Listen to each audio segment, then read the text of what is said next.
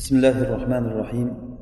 إن الحمد لله تعالى نحمده ونستعينه ونستغفره ونستهديه ونعوذ بالله تعالى من شرور أنفسنا وسيئات أعمالنا. إنه من يهده الله فلا مضل له ومن يضلل فلا هادي له. ونشهد أن لا إله إلا الله وحده لا شريك له. ونشهد أن سيدنا وإمامنا وأستاذنا وقدوتنا محمدا عبد الله ورسوله. صلى الله عليه وعلى آله وصحابته ومن اهتدى بهديه إلى يوم الدين وسلم اللهم تسليما كثيرا أما بعد السلام عليكم ورحمة الله وبركاته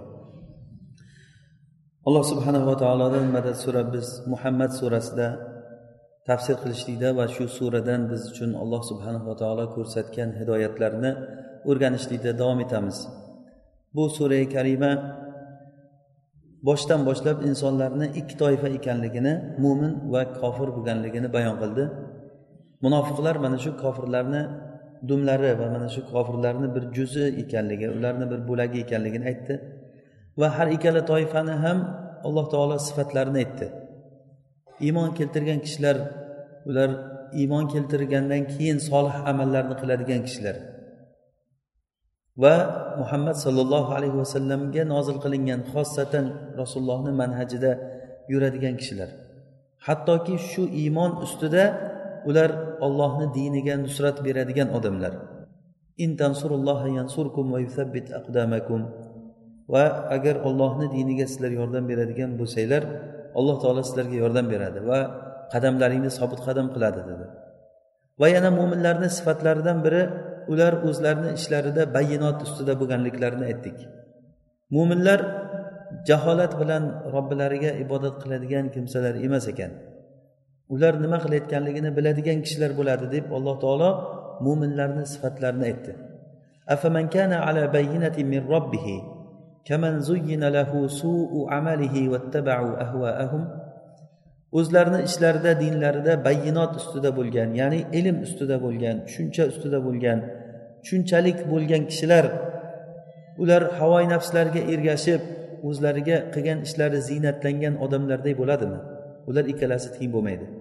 Demak alloh taolo shu yerdan ikkiga bo'lyapti. Odamlar ikki xil bo'ladi. Yo ilm bilan ibodat qiladi yoki bo'lmasa havoyi nafsiga ergashadi. Uchinchisi yo'q.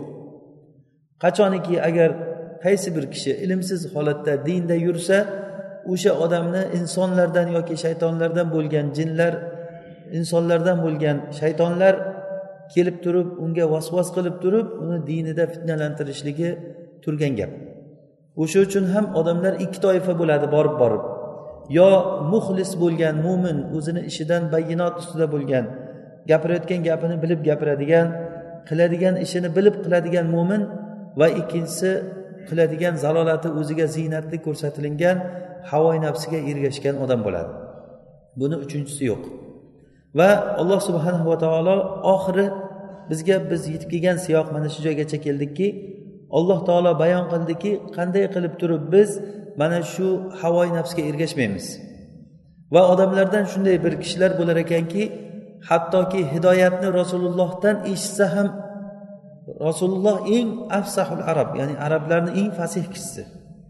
Odamlarga nihoyatda kerakli narsani kerakli vaqtida yetkazadigan eng olim kishi.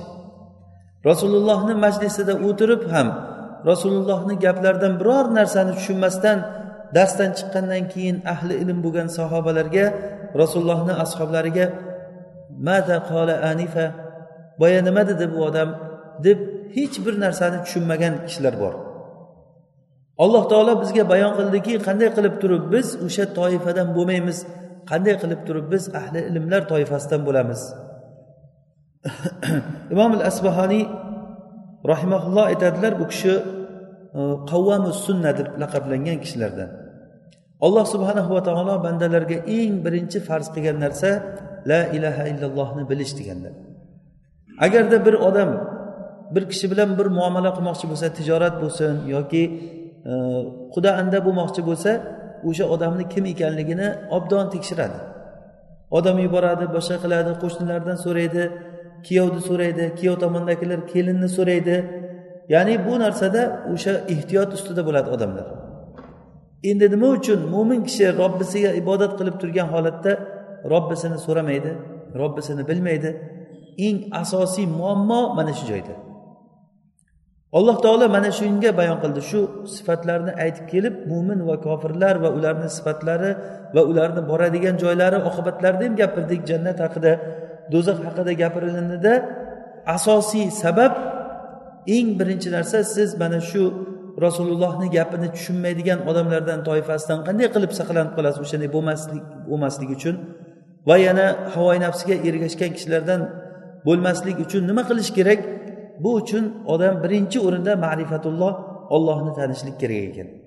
Shuning uchun alloh taolo falam fa kalimasi o'zidan keyingi narsani o'zidan oldingi narsani ustiga quradi. Ya'ni bu degani falam degani ana shuncha narsani bilganingizdan keyin. Bilingki ollohdan boshqa iloh yo'q shuni biling. Demak hammasini sababi ma'rifatulloh olloh alloh taoloni tanishlik bo'ladi. Keyin alloh taoloni tanishlik ma'rifatulloh o'zidan o'zi bo'lmaydi. Buni qur'oni karim bizga o'rgatgan yo'li bor. Qur'on bizga o'rgatgan yo'li orqali alloh taoloni taniymiz. Masalan alloh taoloni har kim o'zicha bir falsafa bilan tanishligi mumkin. Masalan hindistondagi bir butparastlarga qarang e, xitoydagi butparastlarga qarang har bir odamni o'ziga yarasha olloh to'g'risida bir falsafasi bor. Ollohni qandaydir bir kuch ta'sir deb turib kimlardir qaysi tomonlarini to'g'ri topgan joylari bor. Lekin aksar joyda adashib ketib qolgan. Insonni fitrati ollohga qarab intilavergandan keyin agar tashqaridan bir unga zalolatga olib ketuvchi narsa bo'lmasa to'g'ri topadi. Lekin uni u yoqqa bu yoqqa buruvchi o'zi oldingilardan qolgan taqlidlar ota bobolarni yo'llari va mana shunaqangi narsalar bo'lgandan keyin odam o'zini yo'lini to'g'ri topolmaydi. Va shuning uchun ham ko'ramizki odamlarda ollohga ibodat qilishlik uchun qanchalik darajada adashib ketgan toifalar. Odamlarni aksari adashgan bu narsada. Biz bu voqeda ko'rib turibmiz. Aksar odamlar adashgan kimlar bor? Ollohdan boshqaga ibodat qilyapti. Hattoki ollohga ibodat qilaman degan odamlarni ham aksari ollohga ibodat qilmaydi.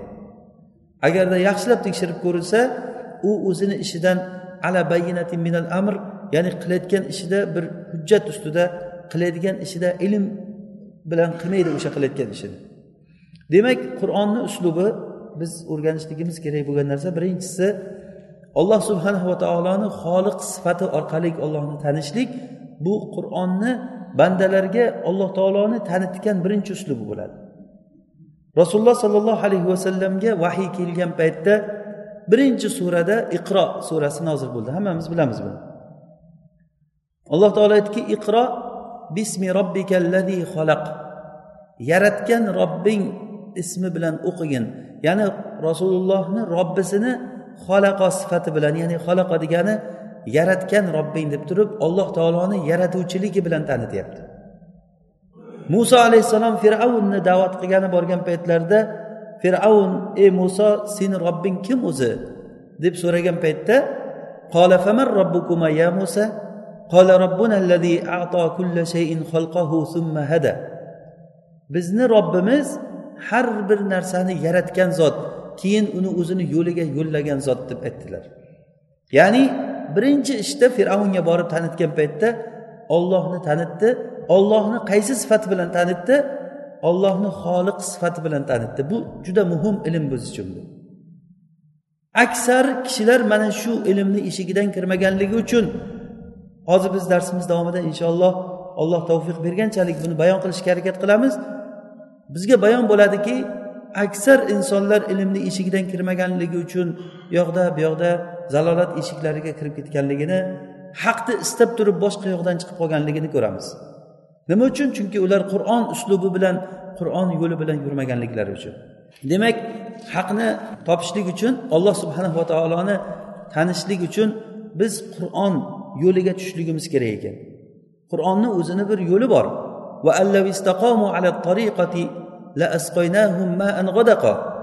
Alloh taolo aytyaptiki agar ular to'g'ri yo'l ustida yurganlarida edi biz ularga zilol suvlar bilan sug'organ bo'lardik. O'shanda alloh taolo bu oyatda aytyaptiki to'g'ri yo'l deb turib alloh taoloni maxsus bir yo'li bor ekan. Har qanday yo'l bilan ham allohga u tomondan bu tomondan boraveradi degan odam qattiq adashadi. Bizni o'zi bu surani tafsir qilishda boshidan boshlab aytdikki bu yo'l rasululloh sollallohu alayhi vasallamni manhajlari. Manhaj bu shu boshlanishi mana shu yerdan boshlanadi oxiri mana bu yergacha boradi. Mana bu yo'l rasululloh sollallohu alayhi vasallamni xossatan rasulullohni yo'llari bu. Va ommatan bu payg'ambarlarni yo'llari o'zi islom dini. Lekin biz ergashgan shariat rasululloh sollallohu alayhi vasallamni shariatlari jumlatan va tafsilan har bir narsalarda har bir holatlarda qadamma qadam rasulullohga agar ergashsak o'shanda najot topamiz biz. Qanchalik darajada ergashsak shunchalik darajada najot topamiz. Demak odamlar olloh subhanava taologa ibodat qilolmaydi illo alloh taoloni qanchalik tanisa shu ma'rifati miqdorichalik ibodat qila oladi. Agar shu gapni agar bir yozib shuni bir o'zlashtirilsa men xohlardimki bu juda yaxshi bo'lardi. Yana takrorlaymiz. Odamlar alloh taologa ibodat qilishlikda qanchalik darajada qalbida ollohni ma'rifati bo'lsa tanisa o'sha ma'rifat miqdorichalik ibodat qiladi. Bu ma'rifat daraja. Ya'ni kimga alloh taolo qanchalik ilm bergan bo'lsa shunchalik bu ko'p kitob o'qishlik bilan ko'p narsa eshitishlik bilan bo'lmaydi. Bu bitta narsani bilsangiz ham haqiqatiga ko'ra shundoq bilishlik bilan bo'ladi. Masalan fir'avnni sehrgarlari ollohni tanigan paytda qancha vaqt o'tdi ularga? Muso alayhissalom shunday asolarini tashlagan paytda asolari ilonga aylanib turib sehrgarlarni tashlagan haligi nayrang qilayotgan orqonlarini yutib yutib yuborgan paytda ularga haq ravshan bo'ldi o'shanda. Shu zahotiyoq sajda qilib yiqilib biz iymon keltirdik muso bilan horunni robbisiga biz iymon keltirdik deb turib yiqildi ular. Nima uchun? Ular shunchalik darajada. Fir'avn keyin aytdiki sizlar hiylagar ekansizlar muso bilan tillaring bir sizlarni. Fir'avn ikkinchi variantga o'tdi keyin. O'zi bilib turuvdi fir'avn musoni haq ekanligini. Lekin botilni rivojlantirishlik uchun haligi sehrgarlarni olib keluvdi o'ylagandek chiqmadi. Sehrgarlar ham muso alayhissalomga iymon keltirib yuborgandan keyin sizlar hammalaring tillaring bir ekan. Bu bitta narsaga kelishib kelgansizlar sizlar.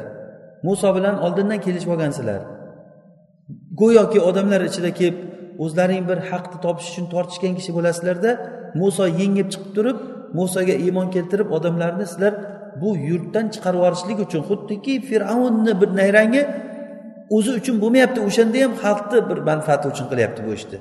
Odamlarni yurtidan haydab chiqarishlik uchun qilyapti. Bu hamma narsa qaranglar mengaku farqi yo'q. Hammasi sizlarni ziyonlaringga bo'lyapti deb xalqqa odamlarni ularga qarshi tezlab odamlarni aldagan.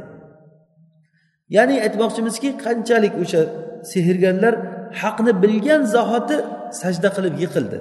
Hattoki ularni osib kundalarga osib qo'l oyoqlarini kesib o'ldirsa ham ular shu yo'lda sobit turdilar. Birdan qalblariga ilm paydo bo'ldi. Qayerdan paydo bo'ldi bu narsa? Ular fir'avnga aytdiki sen qo'lingdan kelgan narsani qilgin. Nima qo'lingdan kelsa shuni qilgin.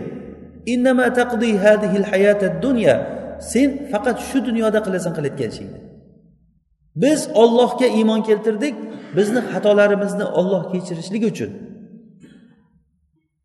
Qarang shunchalik darajadagi ilm ya'ni bu ilmni eng haligisi poydevori ularda qalblarida qanday paydo bo'ldi? Bitta narsa bilan u ham bo'lsa ollohni tanishlik bilan paydo bo'ldi. Alloh taolo o'zini bandalarga tanitgan paytda birinchi tanituvda o'zini xoliq sifati bilan tanitdi. Mana masalan hozir iqro surasida birinchi nozil bo'lgan sura o'shanda yaratgan robbing deyapti. Va keyin mana toho surasida muso alayhissalom borib fir'avnga ollohni tanitgan paytda birinchi tanitishda olloh kim o'zi deganda alloh taolo hamma narsani yaratgan zot deb tanitdi.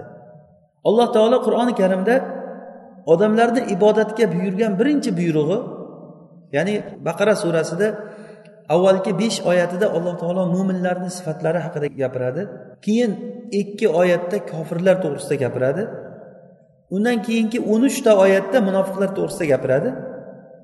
Besh oyat mo'minlar haqida ikkita oyat kofirlar haqida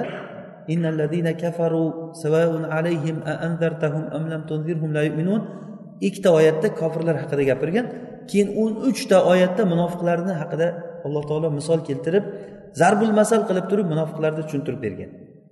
Keyin yigirmanchi oyatdan keyin yigirma birinchi oyatda odamlarga alloh taolo birinchi buyrug'ini buyurish paytida ya اعبدوا ربكم الذي خلقكم والذين min qablikum laallakum tattaqun ey insonlar robbilaringga ibodat qilinglar. Qaysiki robbilaring? U sizlarni va sizdan oldingilarni ham yaratgan robbilaringga ibodat qilinglar degan. Mana shunda ham alloh taolo yaratuvchilik sifati bilan odamlarga o'zini tanityapti. Bu narsa eng ilmni aslisi shu.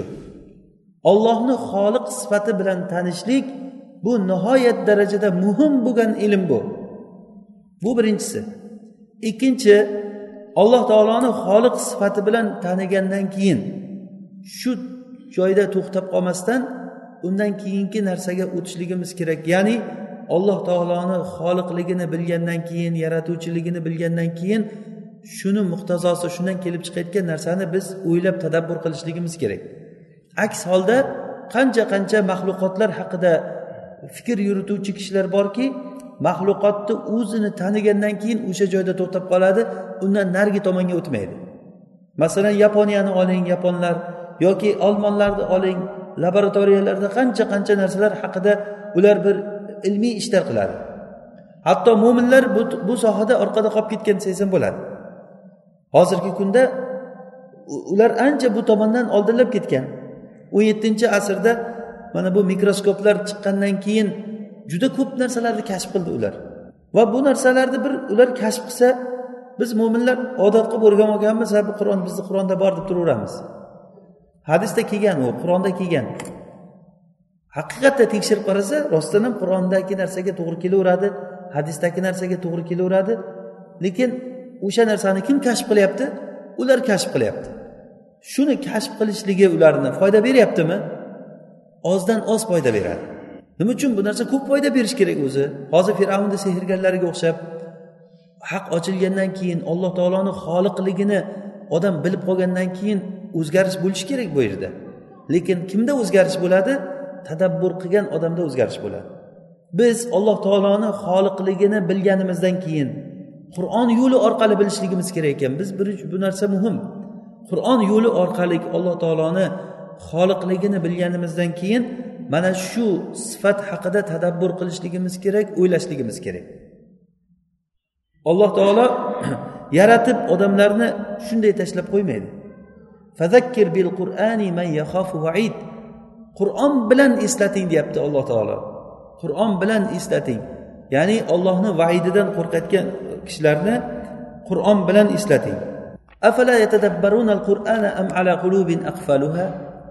Qur'onni tadabbur qilmaydilarmi? Yoki ularni qalblarida qulflar bormi?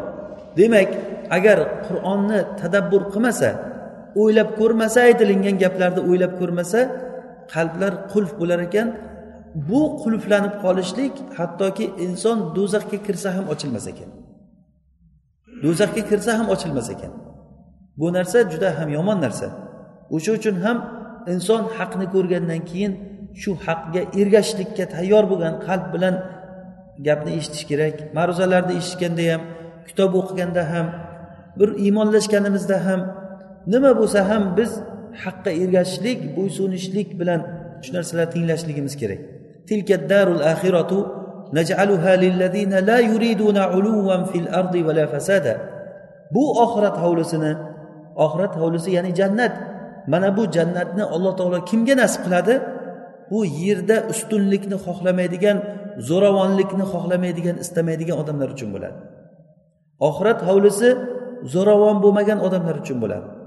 Haqni istamagan odam zo'ravon bo'ladi.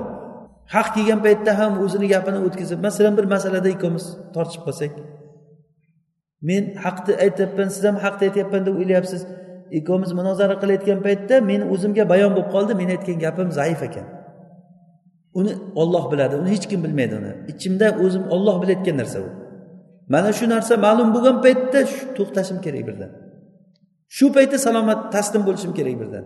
To'g'ri e, tushundim men deyishim kerak. Har qancha kattalikdan mansabdan tushib qolaman deb o'ylasa ham odam.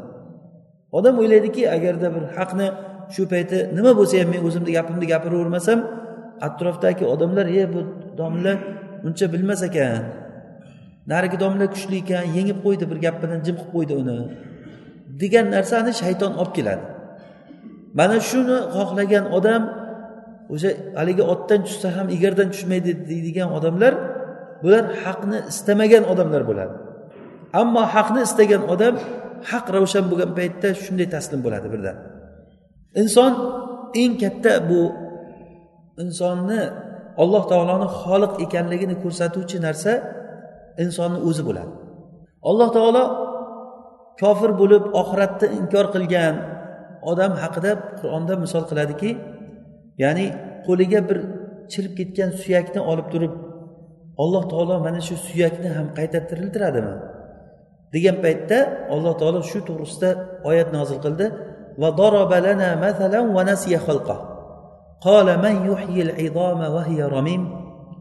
قل يحييها الذي انشاها اول مره وهو بكل خلق عليم. الذي جعل لكم من الشجر الاخضر نارا فاذا أنتم منه توقدون. اوليس الذي خلق السماوات والارض بقادر على ان يخلق مثلهم؟ بلى وهو الخلاق العليم. mana bu oyatlar hammasi xalq bilan bog'langan bizga zarbul masal qilyaptiki bu kofir qo'liga suyakni ushlab olib turib mana shu suyak alloh taolo shuni qayta tiriltira oladimi?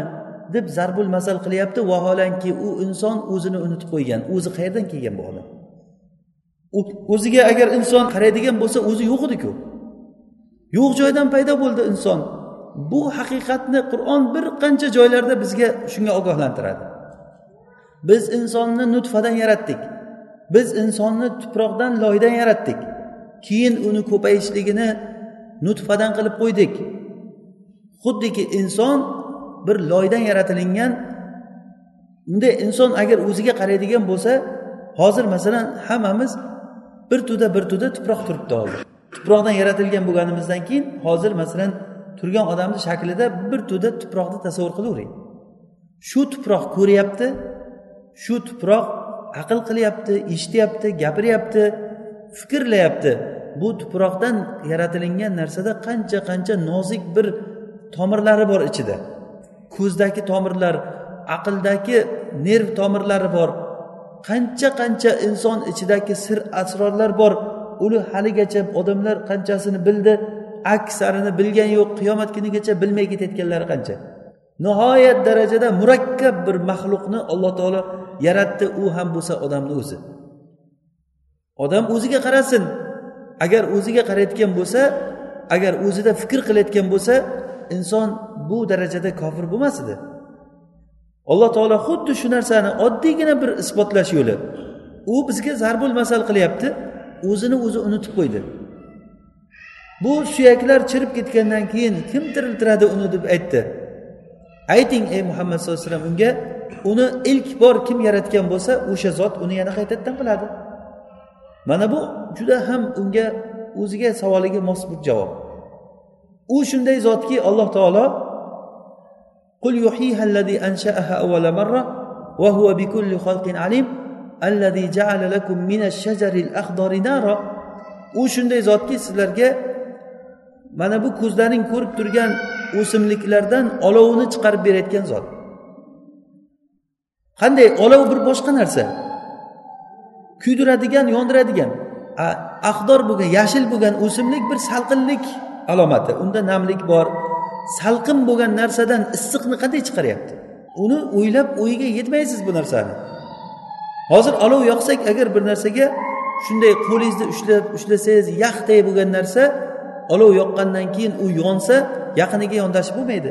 Qanday bir biriga zid bo'lgan narsalarni alloh taolo chiqaryapti yaratyapti o'sha zot insonni yana qaytadan qilishlikka qodir emasmi? Mana bu insonni o'zini xalqi haqida o'zini yaratishligi haqida tadabbur qilishligi bu insonni robbisini tanishlikka olib keladi. Alloh subhanahu va taolo qur'onda o'n bitta joyda ollohni xoliq deb ismlab kelgan.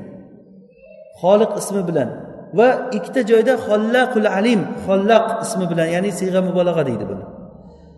Va bir qancha joylarda bari ismi kelgan. Bari bu ham yaratuvchi degani fotir ismlari kelgan. Bundan tashqari ollohni yaratishlik fe'liy ishlari buni son sanog'i yo'q. Qur'onda biror bir safha yo'qki biror bir siyoq mavzu yo'qki illo o'shanda alloh taoloni yaratuvchi ekanligi haqida gap ketadi. Demak biz bu narsani biz qur'on bizga hidoyat kitobi bo'lgandan keyin agar qur'onni o'qiydigan bo'lsak o'qing buni. Tadabbur qilib tafakkur qilib takror takror takror takror o'qing. Ehtimol alloh taolo sizni qalbingizni shu narsaga ochib yuboradi. Bizni maqsadimiz haqni bilish qur'onni xatm qilish ham emas. Qur'onni bir necha marotaba o'qish ham emas u narsani tushunish ichidagi narsalarni. Ya'ni qur'ondan hidoyat olishlikda alloh subhanava taolo eng muhim bo'lgan narsani ko'p takror qilib keltirgan. Shulardan biri alloh taoloni xoliq ekanligi. Har bir ma'rifat hamma narsa undan keyin mana shuni ustiga quriladi. Ollohni xoliq ekanligini faqatgina bilib qo'yib to'xtab to'xtash emas undan keyin uni tadabbur qilishligimiz kerak. Masalan insonni haqida biz tadabbur qilib o'rganadigan bo'lsak agarda xuddi g'arbdagi o'sha laboratoriyada ishlab oylik olib o'sha joyda bir ilmiy bir kashfiyotlarni qilayotgan odamlarga o'xshab shunday o'rganib insonda shuncha narsa bor ekan deb tashlab qo'ymasdan uni kim qilgan ekan degan narsani bilishligimiz kerak agar uni orqasidagi narsaga biz bormaydigan bo'lsak bu odam bilib turib o'zi adashgan odam bo'ladi. Shu uchun ham alloh taolo xuddi shu baqara surasida biz yuqorida tilovat qilgan oyatda fala taj'alulillahi andadaw antum ta'lamun deb aytdi. Sizlar bilib turib alloh taologa sheriklar qilmanglar degan. Olloh asrab qolgan kishilar bundan mustasno. Aksar kishilarni qalbida ollohga nisbatan shirk bor. Iymonni davo qilgan masjidga kelib besh vaqt namoz o'qiydigan odamlar bilan agar yaxshilab suhbatlashib qaralinsa bu biz takror takror aytamiz bu darsimizda maqsad foydali ilm o'rganishlik birovga bir hukm chiqarishlik emas. Bu narsaga biz o'zimizni bu taroziga solishligimiz kerak. Buni tarozisi ollohni huzuridagi narsa bu. Bu qalbni ishi bu hech kim bilmaydi bu narsani. Inson qalbiga quloq solib qarasa har bir kelgan musibatda har bir kelgan narsada ollohga chopasizmi yoki sabablarga suyanasizmi? Agar sabablarga suyansangiz bilingki ana shu joyda halal kamchilik bor degani. Buni biz tezlik bilan to'g'irlashligimiz kerak. Inshaalloh hozir biz darsimiz davomida bu narsa haqida aytamiz. Demak alloh subhanahu va taolo o'zining xoliq ekanligini biz taniganimizdan keyin uni biz tafakkur tadabbur qilganimizdan keyin biz shu xoliqdan chiqadigan ma'nolarni bir tushunishligimiz kerak. Alloh taolo qayerda bir xalq yaratishlik sifatini keltirsa o'shanga ilm sifati bilan birga keltiradi. Ya'ni ala ya'lamu man xalaq va huval xollaqul alim. Alloh taolo o'zi yaratganlarni o'zi bilmaydimi? Olloh yaratdimi? Olloh biladi. Demak biz ollohni xoliqligini bilganimiz bilan birga ollohni ilmlik ekanligini shuni bilan birga lozimi birdan bilishimiz kerak shuni. Bir biridan ajrayotgan narsa emas bu. Eng biluvchi zot olloh buni qayerdan bildik biluvchiligini? Yaratishligidan bildik. Ollohni yaratgan narsalarini biz sanog'ini bilolganmiz yo'q hali. Uni haqiqatini qo'ying. Ollohni yaratgan narsalarini hozir eng ilmliman deb turib ollohni hukmi bilan men hukm qilmayman meni hukmim o'tadi degan odamlar o'zlari tan olib o'tiribdiki bir qancha narsalarni bilmasligini. Shunaqangi yulduzlar borki hali bizga yorug'ligi yetib kelmagan yulduzlar bor. Eng haligi tezligi katta tezlik. Agar yorug'lik tezligi bo'ladigan bo'lsa bir necha milliard yillardan beri yorug'ligi bizga yetib kelmagan yulduzlar bor deb o'zlari aytib o'tiribdi. A shundoq bo'layotgan bo'lsa alloh taoloni shunchalik katta maxluqotlari bo'layotgan bo'lsa yerga qarang xuddiki haligi arobiy aytgani kabi al asaru yadullu alal masiri val ba'ratu tadullu alal bairi was samau zatu abrojin val ardu zatu fijajin val bahru zatu amvajin afala yadullu alal latiful xabir agarda iz shu yerdan sayr o'tganligiga bir musofirlar shu yerdan yurib ketgan ekanligiga dalolat qilsa agarda bir qor yog'ib turgan bo'lsa shu qorda bir izlarni ko'rsak hech bir aqlli odam shubha qilmaydiki shu yerdan odam o'tibdi ekan deb. Yoki qumdan agar bir oyoq izlarini ko'rsak shu joydan bir musofirlar o'tibdi ekan shundan deb biladi har qanday odam ham. Va agarda tuyani bir tezagini ko'rayotgan bo'lsangiz bu joyga tuya kelgan ekan deb har bir aqlli odam shu tezakdan tuya borligini biladi.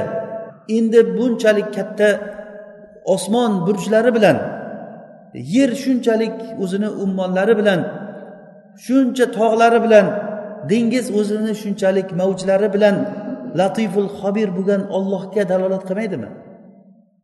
Aqlli odam mana bu ollohni yaratgan narsalari orqali ollohni alim ekanligini bilishlik kerak.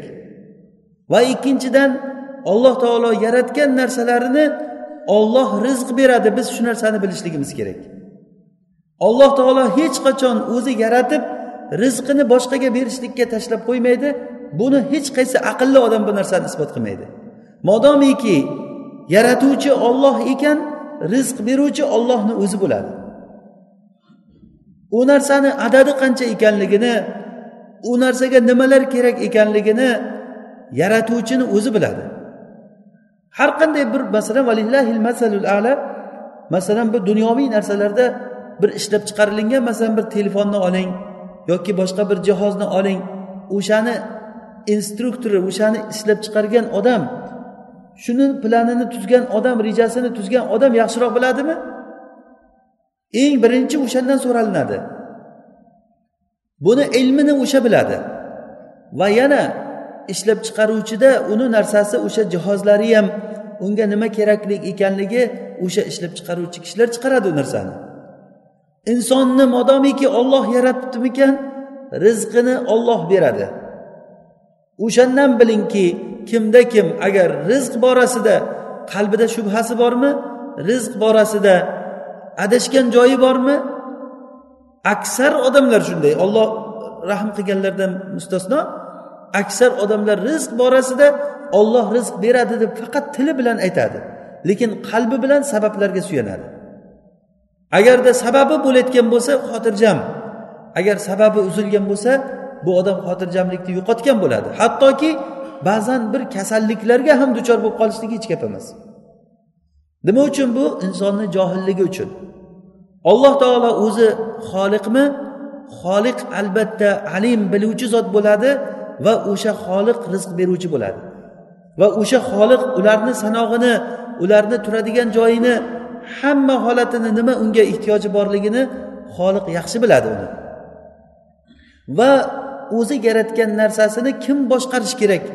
Qaysi aqlli odam aytadiki olloh yaratib turib odamlarni shunday tashlab qo'ygan deb? Yaratdimi? Uni yaratuvchini o'zi ularni boshqarishlik kerak. Ularni qazo va qadarini ularni taqdirini olloh belgilashlik kerak. Olloh yaratib turib banda unga umrini belgilab berishligi olloh yaratib turib bir banda kelib turib unga buncha rizq beramiz buncha bermaymiz deyishlikka kim qodir bo'la oladi? Vaholanki hamma olloh taologa muhtoj bo'lsa ollohu somat bo'lsa. Bir mulhidlardan biri mulhidlardan biri aytgan ekanki men ham ollohga o'xshab yarata olaman degan ekan. Qanaqasiga yaratasan deganda bir go'sht olib keltirgan ekanda shu go'shtni kesib kesib orasiga haligi go'shtni yapaloq qilib kesib orasiga molni axlatini tashlab yaxshilab o'ragan ekan uni. O'rab bir ko'zani ichiga tiqib ko'zani og'zini yaxshilab berkitib qo'ygan havo kirmaydigan qilib. Keyin bir kishini qo'liga bergan ekanda uch kun senda tursin shu degan ekan. Uch kundan keyin kelib odamlarni hammasini yig'ib kelib turib shunday qopqog'ini ochsa ko'zani ichi to'la qurt bo'libdi. Mana shu qurtlarni men yaratdim debdi. Keyin haligi qarab turgan odamlarni bittasi aytibdiki sanog'i nechta bu qurtlarni debdi. Haligi odam jim bo'lib qolibdi. Yaratgan bo'lgandan keyin uni sanog'ini bilish kerak. Nechtasi ayol nechtasi erkak debdi. Yana jim bo'lib qolibdi.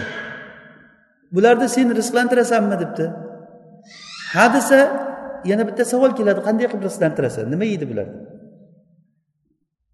Haligi kishi jim bo'lib qolgan hech narsa deyolmasdan. Bu oddiy bir savol. Demak yaratgan bo'lgandan keyin uni adadini bilish kerakmi yo'qmi? Laqad ahsohum va addahum adada. Alloh taolo ularni sanog'ini hisoblagan va ularni bitta bitta sanab qo'ygan. Siz o'ylaysizmi alloh taologa men maxfiyman deb? Ollohga hozir bizni o'tirgan joyimiz maxfiy deb kim o'ylaydi? Hammamiz bilamiz alloh taolo bizni hozir ichimizda nimani o'ylab o'tiribmiz? Yoki bizdan boshqa odamlar qayerda? Uni adresini uni unvonini alloh taolo joyi joyiga yetkazib olib borib rizqini olib borib beryaptimi? Uni ushlash kerak paytida alloh taolo o'sha joydan ushlab qo'yadi. Agar har qancha qo'riqchilarni ichida o'tirsa ham kerak bo'lsa o'sha qo'riqchisi bilan ushlab qo'yadi uni. Alloh taolo qodir zot. Uni erkak ayolligini qancha erkak bo'lishi kerak qancha ayol bo'lishi kerak buni kim biladi? Alloh taolo xohlagan kishisiga o'g'il beradi xohlagan kishisiga qiz beradi. Alloh taolo aytdiki yahabu liman u inasan va yahabu liman yashau zukur. Xohlagan kishisiga o'g'il beradi xohlagan kishisiga qiz farzand beradi xohlaganiga qiz beradi xohlaganiga o'g'il beradi. Av yuzavvijuhum zikrona va inatha va yaj'alu man yashau aqima. innahu alimun qodir xohlagan kishisini alloh taolo bepish qilib qo'yadi. Xohlaganiga o'g'il qizni juft qilib beradi. Xohlagan kishisini bepish qilib qo'yadi. Alloh taolo alim qodir bo'lgan zot. Har bir narsaga alloh taolo qodir zot. Lekin o'sha ollohni qodirligi alloh taoloni roziqligi alloh taoloni alim zot ekanligi qaysi sifat orqali biz tushunyapmiz? Ha? Alloh taoloni xoliq sifati orqali tushunamiz bu narsani. Agar ollohni xoliq ekanligini bilsak o'z uz o'zidan inson fitrati insonni fitrati intilib turib o'z uz o'zidan o'sha zot yaratgan zot bilish kerak. Yaratgan zot rizq bilish kerak. Yaratgan zot o'zi boshqarish kerak. Hukmni o'sha zot qilishlik kerak. Qazo va qadarini o'sha zot qilishlik kerak. Uni sanog'ini uni sopini o'sha zot biladi. Degan narsalar keyin kelib chiqayotgan ilm bular. Insonni boshqaradigan narsa shu o'zi. Masalan bizda eng e, muhim bir amallardan biri tavakkul amali. Tavakkal bu qalbni ishi. Inson hozir masalan o'tirgan odamni ichida nimani o'ylab o'tirganligini kimga ishonib o'tirganligini hech kim bilmaydi. Odam agar sal puli ko'payib qolsa o'tirishlari ham boshqacha bo'lib gaplari ham boshqacha bo'lib odamlarga ha qo'rqma nimadan qo'rqasan? degan gaplarni ham gapirib o'zgarib qoladi gaplar. Nega desangiz sal pul ko'payib qolgan uni. Bu odam o'ylaydiki o'sha qalbida shu pulga suyanadi bu odam. Yoki bir mansabga bir yaxshiroq bir tanishi bir mansabga o'tsa agar uni gapirishi o'zini tutishi boshqacha bo'lib qoladi. Masalan bir odam masalan davlatni podshosini o'g'li masalan. O'sha podshoni o'g'li bilan bir cho'ponni o'g'li yonma yon tursa haligi podshoni o'g'li o'zini tutishi bilan ikkovsini farqi bo'ladimi? Qayerga borsa ham birdan biladi bu kim bu deydi bu bir kattaroq ishda ishlaymi birinchasi deb turishidan o'zi bilib qo'yasiz. Harakatlaridan gaplaridan o'zi bilinadi. Nima uchun? Chunki odam ichida nimagadir suyanadigan joyi bor o'sha tavakkalidan insonni tavakkalidan keyin nima kelib chiqadi? Harakatlar so'zlar ishlar odamni ichidagi tavakkaldan kelib chiqadi. Lekin shu tavakkal nimadan kelib chiqadi?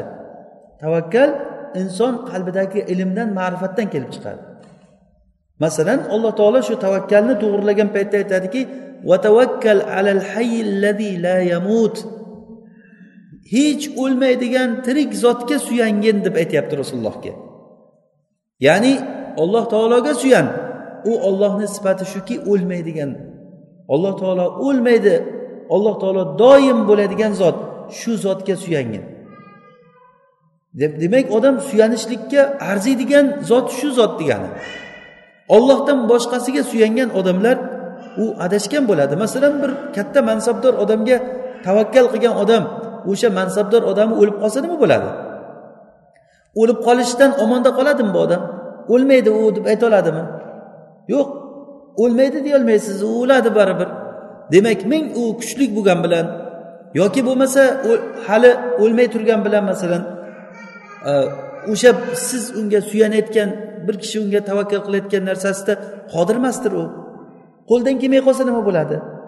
Kasal bo'lib qolsa nima bo'ladi? Yoki bo'lmasa u bilmay qolsachi? Sizga bir musibat keladi u ishing bo'lmasin men o'zim hal qilaman hammasini degan u eshitmay qolsa nima bo'ladi sizni musibatingizni keyin. Demak tavakkal qilishlik uchun tirik bo'lish kerak qodir bo'lish kerak aziz bo'lish kerak. Va tavakkal alal azizir rohim allazi yaraka hina taqum va taqallubaka fis sajidin. Sen azizir rohim bo'lgan zotga tavakkal qil. Siz tavakkal qilayotgan zot ham kuchlik bo'lsin ham rahmlik bo'lsin. Sizga rahmi kelsin u zotni. Bir odam bo'lishi mumkin masalan tavakkal qiladi u o'shanga suyansa u kuchi bo'lishligi mumkin ba'zi bir jihatlardan lekin u rahmli bo'lmasachi? Fir'avnga o'xshab. Qalbida umuman rahmat degan narsa bo'lmasa. Demak tavakkal qilishlikda ana shunday zotga tavakkal qilishligimiz kerak. Bu tavakkal qilishlik bu qalbni amali shu qalbni amali qayerdan kelib chiqdi? Inson qalbidagi ma'rifatdan alloh taoloni qanchalik bilishligidan kelib chiqdi. Biz bir narsani yaxshi bilishligimiz kerakki alloh subhanahu va taolo har bir narsada har bir narsada alloh taoloni vakolati bor. Ya'ni bu nima degani? Vakolati degani shuki masalan bir sabab bir shisha idish meni qo'limda turibdi. Shu shisha idishni tepadan yuqoridan toshni ustiga men tashlab yubordim shu toshni ustiga tushgan paytda mana shu tushishligi sabab bo'ladi. Lekin uni sinishligi bilan tushishligini o'rtasida ollohni vakolati ollohni xohishi buyrug'i bo'lishi kerak. Alloh taolo sin deydi keyin sinadi. Masalan bu sabab bu masalan bir shishani tepadan tashlab yuborsam albatta sinadi. Olovga bir narsani tashlasam albatta yonib ketadi albatta yonib ketadi albatta yonib ketadi. Bir marta yonmay qoldi. Alloh taolo ibrohim alayhissalomni yoqmay ko'rsatib berdi. Ha biz bilishimiz kerakki demak sabab topildi. Natija chiqmadi. Alloh taolo bunday istisnolarni ko'rsatib qo'yadi. Hamma narsa ollohni qo'lida ekanligini odamlarga ko'rsatishlik uchun. Mevalar yoz paytida pishadi lekin qish paytida ham mevani borib maryam onamizga borib turib daraxtni xurmoni daraxtini kundasini silkagin senga pishgan xurmolar tushadi tepadan deb qish paytida aytilingan.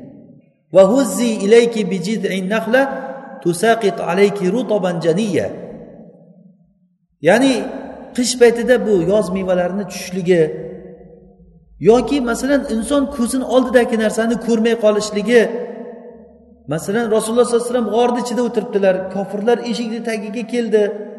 Ko'rish kerakmi yo'qmi o'sha yerda?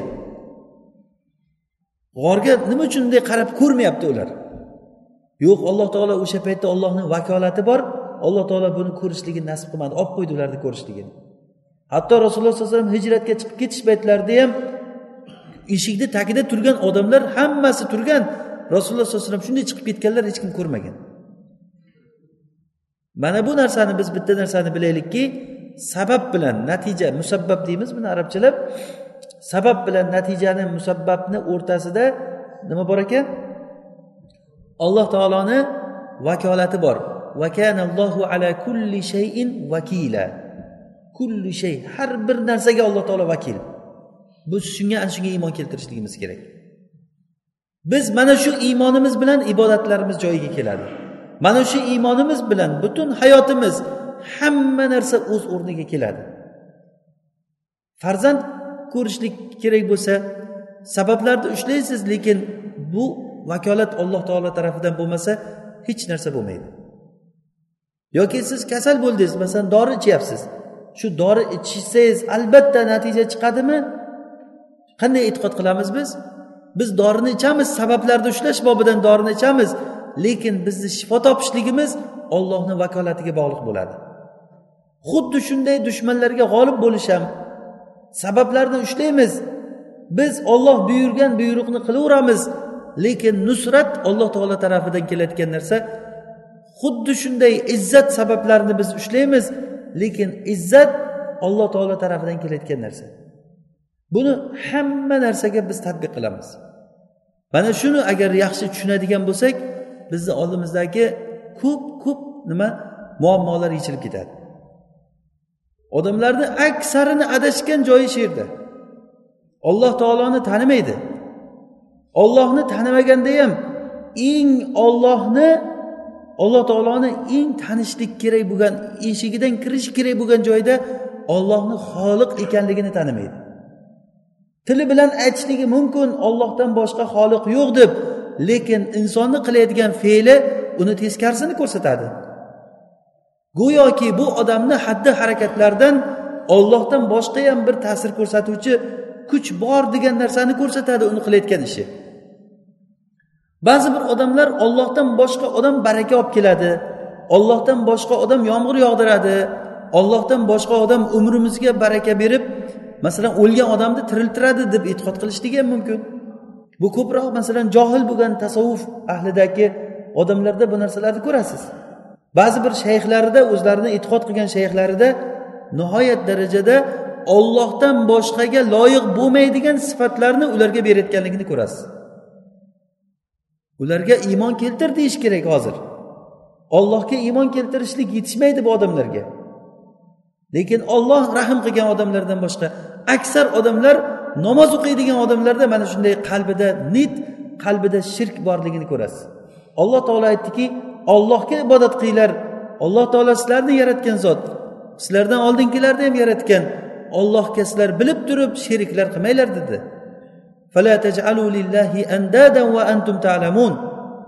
Bilib turib alloh taologa sheriklar qilmanglar. Bu narsa odam agar o'zini o'zi bir tekshirib ko'rmasa hozir biz tirikmiz. Alhamdulillah bunga imkoniyat bor. Hamma holatda agar biz o'zimizni o'zimiz idora qilmasak qalbimizni hisob kitob qilmasak qalb shug'ullanadi. Siz uxlaysiz qalbingiz uxlamaydi. Qanday holatda bo'ling qalb hech qachon to'xtamaydi. Qalb to'xtamay shug'ullanayotgan narsa. Siz xohlang xohlamang qalb o'ziga o'zi nimalarnidir singdirib oladi. Agar ollohni ma'rifati bilan ollohni nuri bilan o'zizni yo'lingizni yoritib olmasangiz inson joyi kelgan paytda o'sha qalbi o'zi bilmagan holatda odam singdirib olgan narsasini o'ziga yo'l qilib oladi. Alloh taolo insonni albatta o'sha qalbidagi narsa ro'yobga chiqishligi uchun uni fitnalarga tashlaydi albatta qiyinchilikka uchratadi boshqa boshqa holatlarga tushiradi o'sha qalbidagi ilm bu yoqqa voqega chiqishligi uchun hujjat qoyim bo'lishligi uchun yashaydigan odam hujjat ustida yashashligi uchun o'ladigan odam hujjat ustida o'lishligi uchun. Mana bu narsa o'z uz o'zidan juda ham katta bir muhim narsa ekanligi bizga ma'lum bo'ladi. O'sha uchun ham shu ma'noni tushuntirgan oyatlar qur'onda eng katta oyatlar deb bilindi. Ya'ni ollohni tanitgan oyat. Masalan qur'ondagi eng katta sura eng ulug' sura qaysi sura? Fotiha surasi. Nima uchun? Chunki fotiha olloh subhanahu va taoloni eng buyuk sifatlari bilan tanitgan sura eng katta oyat oyatul kursi. Yoki qul huvallohu ahad qur'onni uchdan biriga teng keladi deyildi. Nima uchun? Chunki ollohni tanitganligi uchun. Demak bizga qur'on ollohni tanitib keldi. Ollohni tanitganligi uchun ham bu eng katta sura bo'ldi. Masalan hashr surasida alloh taolo qur'onni azomati haqida qur'on juda ham katta bir buyuk kitob bu.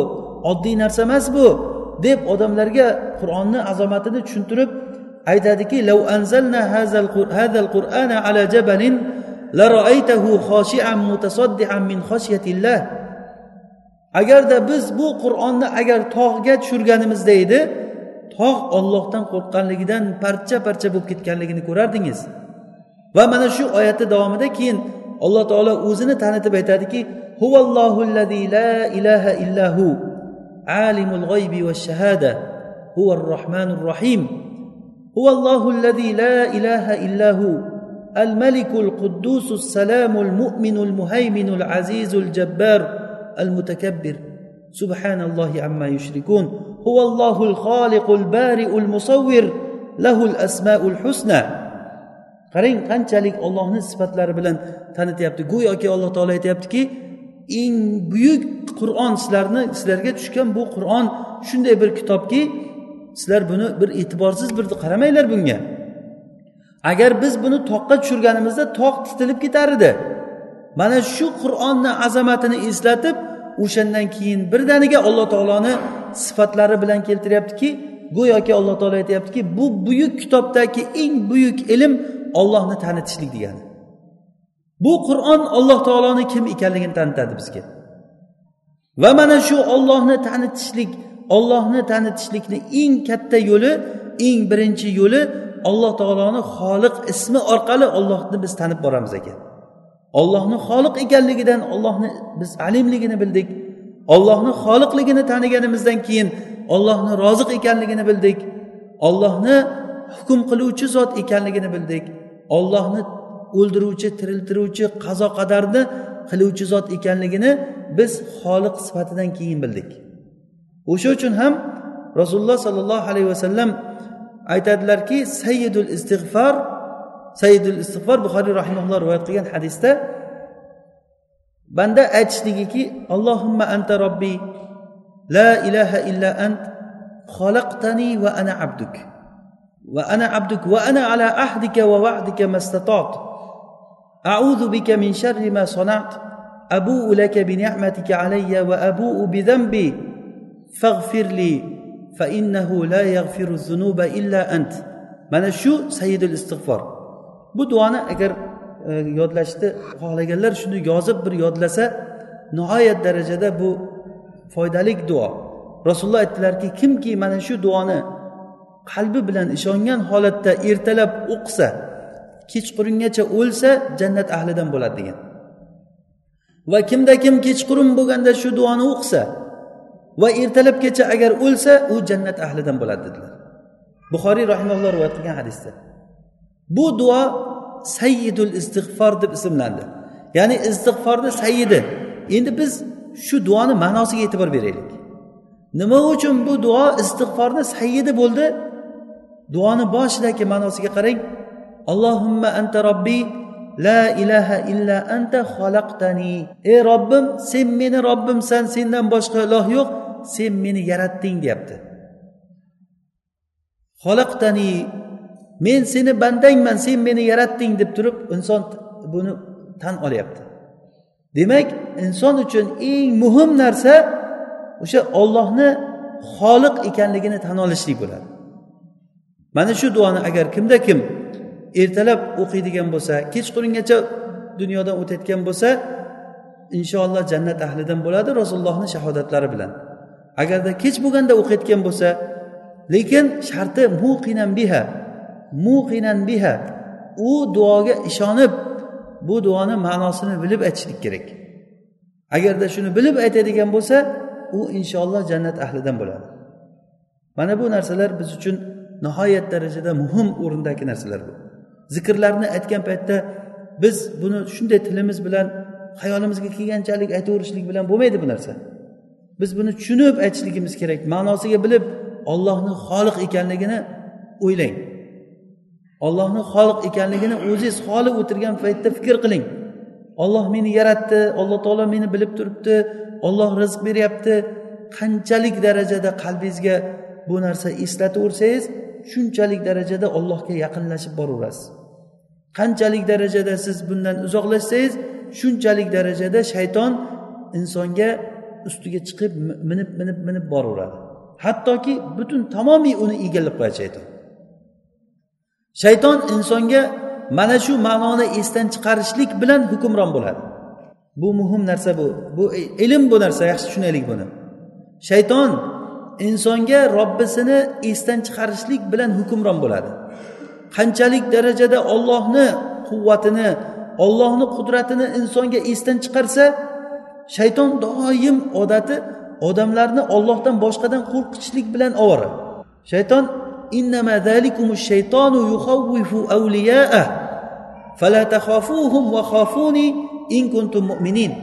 bu shaytonni qilayotgan ishi o'zini do'stlaridan sizlarni qo'rqitadi. Shayton mo'minlarni oldiga kelib turib o'zlarini do'stlaridan qo'rqitadi. Ular juda yomon ular unday qilyapti ular bunday qilyapti sizlarga urush qilmoqchi yo boshqa qilmoqchi deb turib insonga har xil vasvasalarni qilib insonni qo'rqitib qalbiga nisyon ya'ni unutishlikni olib keladi. Inson qanchalik robbisini unutgan sari o'sha joyda shaytonga hukumat hosil bo'laveradi. Toki insonni to'liq egallab oladi buni alloh taolo aytadiki istahvaza alayhimu shayton faansahum zikralloh ulaika hizbu shayton shayton ularni to'liq egallab oldi. Shayton ularni to'liq egallab oldi. Qanday egalladi? Ollohni zikrini ularga unuttirdi. Ollohni zikrini unutgandan keyin inson shaytonga yem bo'lib qoladi. Qanchalik unutsa shuncha miqdorchalik shaytonni nasibasi bo'laveradi. Ollohni zikr qilsa yana o'sha shaytonni mamlakati buziladi. Mana bu narsa biz uchun juda muhim narsa. Shuning uchun ham rasululloh sollallohu alayhi vasallam aytadilarki sizlarni birortalaring men qur'onni unutdim falon falon suralarni unutdim demanglar deganlar. Balki menga unuttirildi deb aytinglar degan.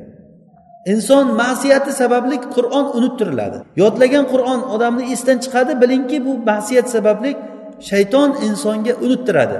Shuning uchun ham qayerda qur'onda qarang unuttirishlik shaytonga nisbat berilib kelgan.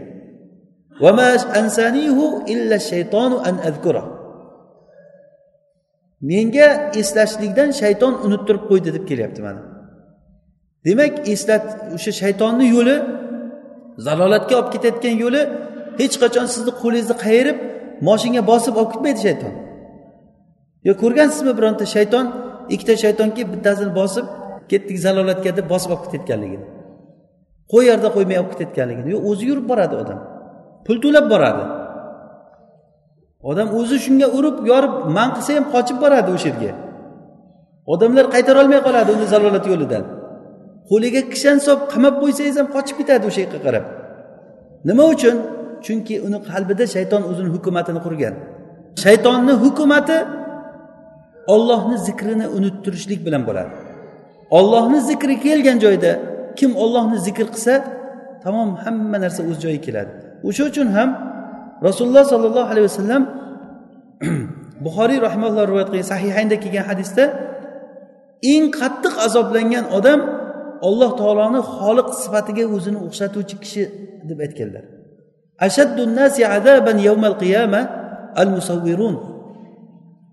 Qiyomat kunida eng azobda qattiq odamlar tasvirchilar degan. Nima uchun tasvirchi bunchalik darajada qattiq azobda bo'lyapti? Birovga zulm qilgani yo'qu odam o'ldirgan odamga bunday deyilmayapti. Odam o'ldirgan odamga yoki aroq ichgan yo zino qilgan odamga bu la'nat bu azob aytilinmayaptida eng qattiq azob musavvirlarga deyapti. Nima uchun? Chunki musavvir olloh taoloni xoliq sifatida ollohga sherik bo'lmoqchi bo'ldi bu. Mana bu judayam katta jarima bu. Olloh taoloni o'zini ollohni mana shu sifatida o'zini o'xshatmoqchi bo'lganligi uchun hadis qudusiyda keladi rasululloh sollallohu alayhi vasallam aytadilarki kim meni yaratganimga o'xshab yaratmoqchi bo'ladi? Qani yaratsinlar ular bir donni yaratsinlar ular bir zarrani yaratsinlar qani yarata oladimikin? Ibn hajar rahimaulloh shu hadisni sharhida aytgan ekanlarki ular qiyomat kuni azoblanadi. Ularni surat qilgan narsalari oldiga qo'yilib turib qani shu surat chizgan narsalaringga ruh beringlar sizlar. U ruh berolmaydi azoblanadi. Ruh ber u berolmaydi. Ruh berasan shunga tiriltirasan shuni deb azoblanaveradi azoblanaveradi bu qilolmaydi bu ishni. Nima uchun bu shunchalik katta azobga qoldi? Chunki ollohni xoliq sifatida ollohga sherik bo'lmoqchi bo'ldi bu. Demak biz uchun eng muhim narsa eng muhim ilm bu olloh subhanahu va taoloni xoliq sifatini bilishlik bilan biz ilmga kirib boramiz va bilganda kirganda ham bu ilmga qur'on yo'li bilan kiramiz. Bunda tafakkur tadabbur qilamiz. Xuddiki boshqa bir e, hozirgi zamonaviy bir laboratoriyalarda kashf qilayotgan bir e'jozi ilmiy holatida bir to'xtab qolmaymiz bu narsada. Bir narsani kashf qilgandan keyin o'shani orqasidagi narsani biz tafakkur qilishligimiz kerak. Masalan insonni qanchalik murakkab bir maxluq ekanligini bilganingizdan keyin siz buni solishtirib ko'ring. Inson shunday bo'layotgan bo'lsa bu koinotlar qanday bo'ladi endi? Quyoshlar va jannat do'zax farishtalar bu narsalar haqida o'ylab ko'ring.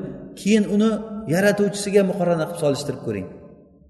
Agarchi bir murakkabgina loydan yasalgan inson shunday bo'layotgan bo'lsa uni yaratuvchisi qanday bo'ladi?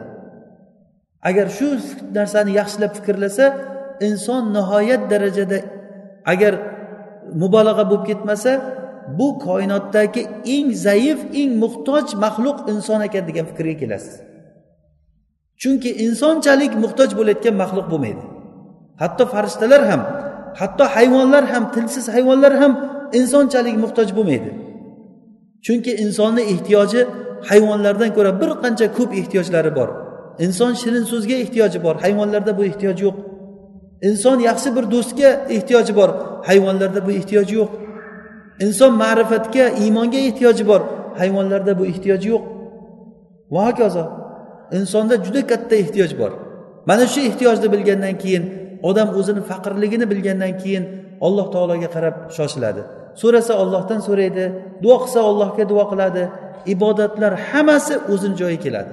Inson qanchalik darajada robbisini tanisa ollohni bilsa shu darajada allohga ibodat qiladi. Shuning uchun ham ilmsiz odamlar allohga ibodat qilolmaydi agar ibodat qilaman degan taqdirda ham ko'p joylarida ular qalblarida shirkka o'rinlar bo'ladi. Alloh taolo bizga foydali ilm bersin. O'rgangan ilmlarimizdan alloh taolo foydalantirsin. Alloh taolo darslarimizni davomiy qilsin baraka bersin o'rganadigan ilmlarimizga. Subhanakallohumma bihamdik nashhadu an la ilaha illa ant nastag'firuka va natubu ilayk.